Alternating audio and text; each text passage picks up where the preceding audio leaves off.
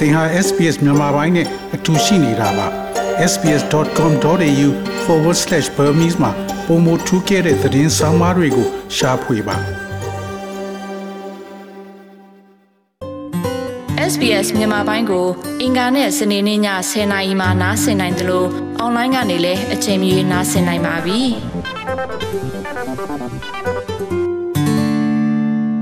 နှစ်သစ်စတင်ချိန်မှာပဲ Omicron သည် COVID-19 ရဲ့အဓိကမူကွဲအဖြစ်ပေါ်ထွက်လာပါတယ်။အနိကအဆက်အသွယ်ရှိသူများအတွက်စီးမြင့်အသစ်များကို လိုက်လျောညီထွေဖြစ်စေသော ရက်ွက်များအလိုက်ပြည်내နှင့်နယ်မြေအများစုတွင် ကူးစက်မှုကိန်းဂဏန်းများမြင့်မားနေတာဖြစ်ပါတယ်။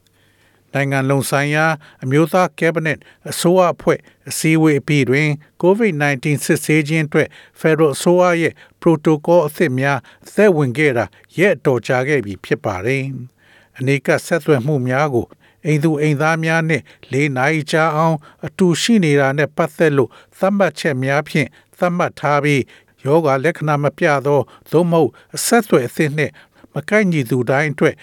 လျင်မြန်သော antigen စစ်ဆေးမှုကိုဦးစားပေးရမှာဖြစ်ပါတယ်။ဆိုပါကူးစက်မှုဖြစ်ရမှန်အသစ်များသည့်2022ခုနှစ်အစတွင် နေ့စဉ်ဖြစ်ရနံပါတ်များနှင့်စတင်စံချိန်ချိုးဖြစ်ပျက်လာပါတယ်။ဒါပေမဲ့အနောက်ဩစတြေးလျရဲ့အခြေအနေကတော့တော်တော်ကွာခြားပါတယ်။နောက်ဩစတြေးလျသည် Delta ကူးစက် backpacker စုဝေးနဲ့ပတ်သက်သည့်ကူးစက်မှုအသစ်မရှိကြောင်းဟိုတယ်တွင် တီကြခွဲထားနေရရှိ လုံခြုံရေးအဆောင်တဦးမှတနင်္ဂနွေနေ့တွင်ဒေသဆိုင်ရာလူနာအသစ်တစ်ခုကိုအစီရင်ခံတင်ပြခဲ့ပါတယ်။ ACT တွင်ယောဂကုသမှုအသစ်အမှုပေါင်း906ခုရှိပြီးဆေးရုံတွင် လူနာ9ဦးနဲ့လေရှုကရိယာတပ်ဆင်ရသည့်လူနာတဦးရှိနေပါတယ်။ Tasmania တွင် COVID-19 positive ကူးစက်ခံရသူ404ဦးရှိကလူနာ3ဦးဆေးရုံတင်ထားကြောင်းသိရှိရပါတယ်။ Northern Territory တွင်ကျန်းမာရေးဝန်ကြီး Natasha Files မှအာဏာပိုင်များသည့်အခြေအနေကိုဂရုတစိုက်စောင့်ကြည့်နေတယ်လို့ပြောဆိုပါတယ်။ I advise there was six community transmission. Uh, upon further investigation of those outstanding 21 cases, community transmission yesterday rose to 11, and community transmission today is already at 14. And the CDC are working through ကျွန်ုပ်တရားဝင်အကြောင်းကြားလိုဒီမှာအဖိုက်ဝမ်6ခုကိုကူးဆက်ပြန်ပွားစေတာဖြစ်ပါတယ်။အဆိုပါထူးထူးခြားခြားအမှု22မှုအားထပ်မံစုံစမ်းစစ်ဆေးပြီးနောက်နေ့တွင် ဒူဒူသို့ကူးစက်မှု၁၇မှုအထိမြင့်တက်လာခဲ့ပါတယ်။ယခုတနင်္ဂနွေနေ့သည်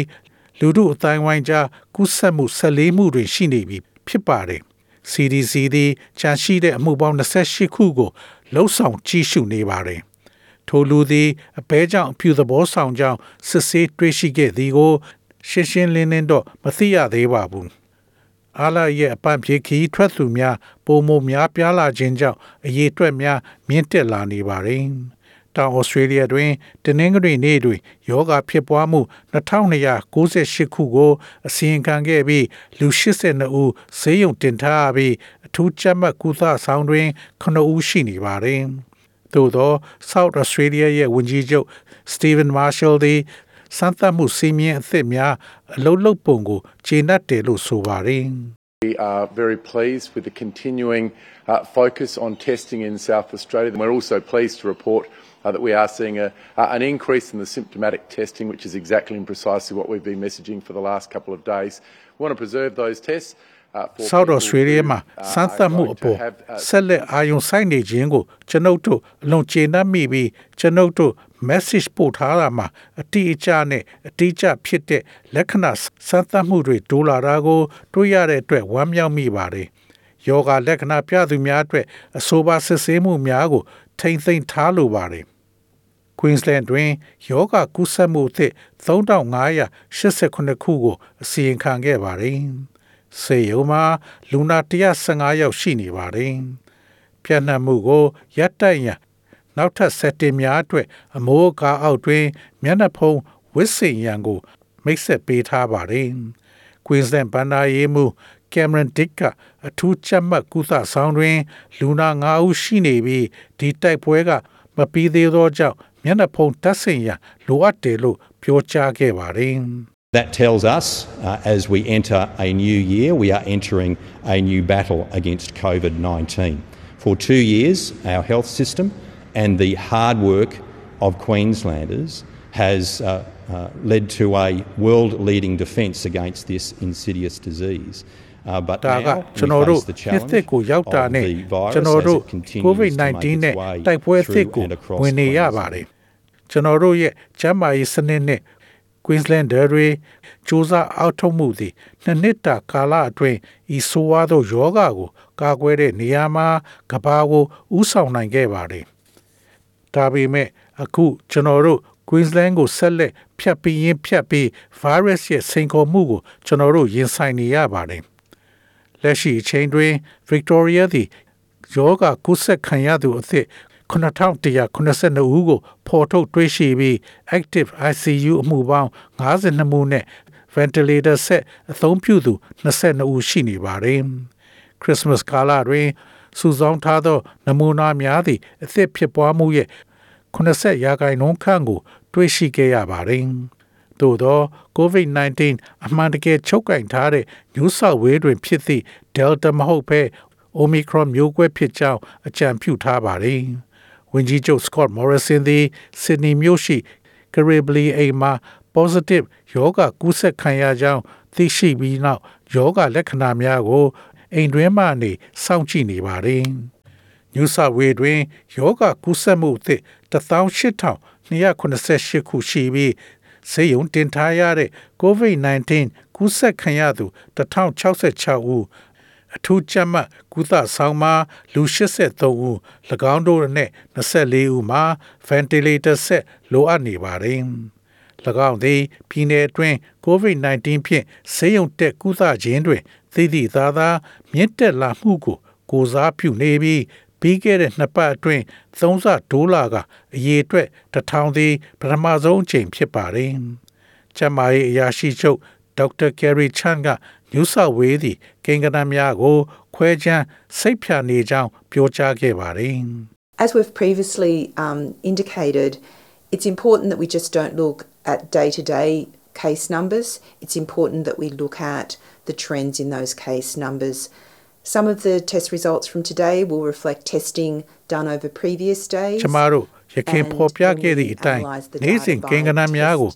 နေ့စဉ်ကြည့်နေဖို့ကအရေးကြီးပါတယ်။ ထိုကိစ္စရနံပါတ်များရဲ့ဥတီယာများကို ကြီးစုရအရေးကြီးပါတယ်။ယနေ့မှစသောစမ်းသပ်မှုရလဒ်တချို့ဟာရခင်ရက်များကပြုလုပ်ခဲ့တဲ့စမ်းသပ်မှုကို ထင်ဟပ်စေမှဖြစ်ပြီးကျမတို့ဟာစမ်းသပ်တဲ့ရက်စွဲဖြင့်ဒါတာများကို ပိုင်ကြားစိတ်ဖြာသောအခါယင်းကလမ်းကြောင်းကိုပုံမကောင်းမွန်စွာ နားလည်စေနိုင်မှာဖြစ်ပါတယ်။ကျမရဲ့အရာရှိများသည် ဖြစ်ပျက်နေသည့်ပုံရိပ်ကိုပုံဖော်ရန် မျှော်နေကြစေကျမရဲ့အလုတ်သမားများဖျားနာခြင်းတီးခြားခွဲထားရန်လိုအပ်ခြင်းသို့မဟုတ် ပြုစုဆောက်ရှောက်ရန်လှုပ်ဆောင်ရမယ့်အလုပ်တွေရဲ့ဝင်အလေးအောက်တွင်ပြိုကွဲသွားနေခြင်းတို့ကြောင့်ကျန်းမာရေးစနစ်တွင်ဝန်ထမ်းများနှင့်မိုးနေရတဲ့အကြောင်းကို ပြောဆိုမှုများတိုးလာနေပါတယ်။ဒေါက်တာချက်နဲ့ညူဆာဝေဝန်ကြီးချုပ်ဒေါမနစ်ပယ်ရတေးအတွက်လူတိုင်းသည် COVID-19 ကာဝယ်ဆေးရဲ့တရရမြောက်ထိုးခြင်းကို တေချာစေတဲ့ပြည်내ရဲ့မြင့်တင်မှုအစီအစဉ်မှတစ်ဆင့်ရှေ့ဆက်သွားမှာဖြစ်တယ်လို့ဆိုပါတယ်။ This will be key to build on our success over the last uh, 18 months. Building on that success of the high vaccination program, our next wave of success will be based on that strong booster campaign. We believe just in our own centres as we head uh, into mid January and we'll be administering around ဒါကပြီးခဲ့တဲ့ 300,000 18လ booster အတွင်း shots per week. ကျွန်ုပ်တို့အောင်မြင်မှုကို တိဆောက်ရန်တော့ချက်ဖြစ်ပါလိမ့်မယ်။မြင်မာသောကာဝယ်ဆေးထိုးခြင်းအစီအစဉ်ရဲ့အောင်မြင်မှုကိုတိဆောက်ပါ။ကျွန်ုပ်တို့ရဲ့နောက်ထပ်အောင်မြင်မှုလှိုင်းဟာထို booster မြင့်တင်လှုပ်ဆောင်မှုအပေါ်အခြေခံမှာဖြစ်ပါတယ်။ကျွန်ုပ်တို့သည် January လလယ်တွင်တပတ်လျင် booster shot 3သိန်းခန့်ကိုစီမံခန့်ခွဲနိုင်မယ်လို့ကျွန်ုပ်တို့ရဲ့ကိုယ်ပိုင်စင်တာများကယုံကြည်နေပါတယ်။သောတာရှင်များခင်ဗျာသင်ဘာသာစကားဖြင့် COVID-19 ကူးစက်ရောဂါကိုတုံ့ပြန်ရန်အတွက်လက်ရှိလှုပ်ဆောင်နေသောကျန်းမာရေးနှင့်ပံ့ပိုးမှုအစီအစဉ်များအတွက် sps.com sbs.com.au/coronavirus တို့ဝင်ရောက်ကြည့်ရှုနိုင်ပါတယ်။ SBS သတင်းဌာနက Deborah Goraki ရဲ့ဆောင်းပါးကိုဘာသာပြန်တင်ဆက်ပေးထားတာဖြစ်ပါတယ်ခင်ဗျာ။ sbs.com.au/bemis ကို home နေရာမှာထားပြီးတော့အမြဲတမ်းနှာစင်နိုင်ပါတယ်။ နောက်ဆုံးရသတင်းတွေ၊ဆောင်းပါးတွေနဲ့စစ်တမ်းတွေမှာပါဝင်ပြီးတော့ဆက်သွယ်မှုလုပ်နိုင်ပါတယ်။ sbs.com.au/bemis ဖြစ်ပါတယ်ရှင်။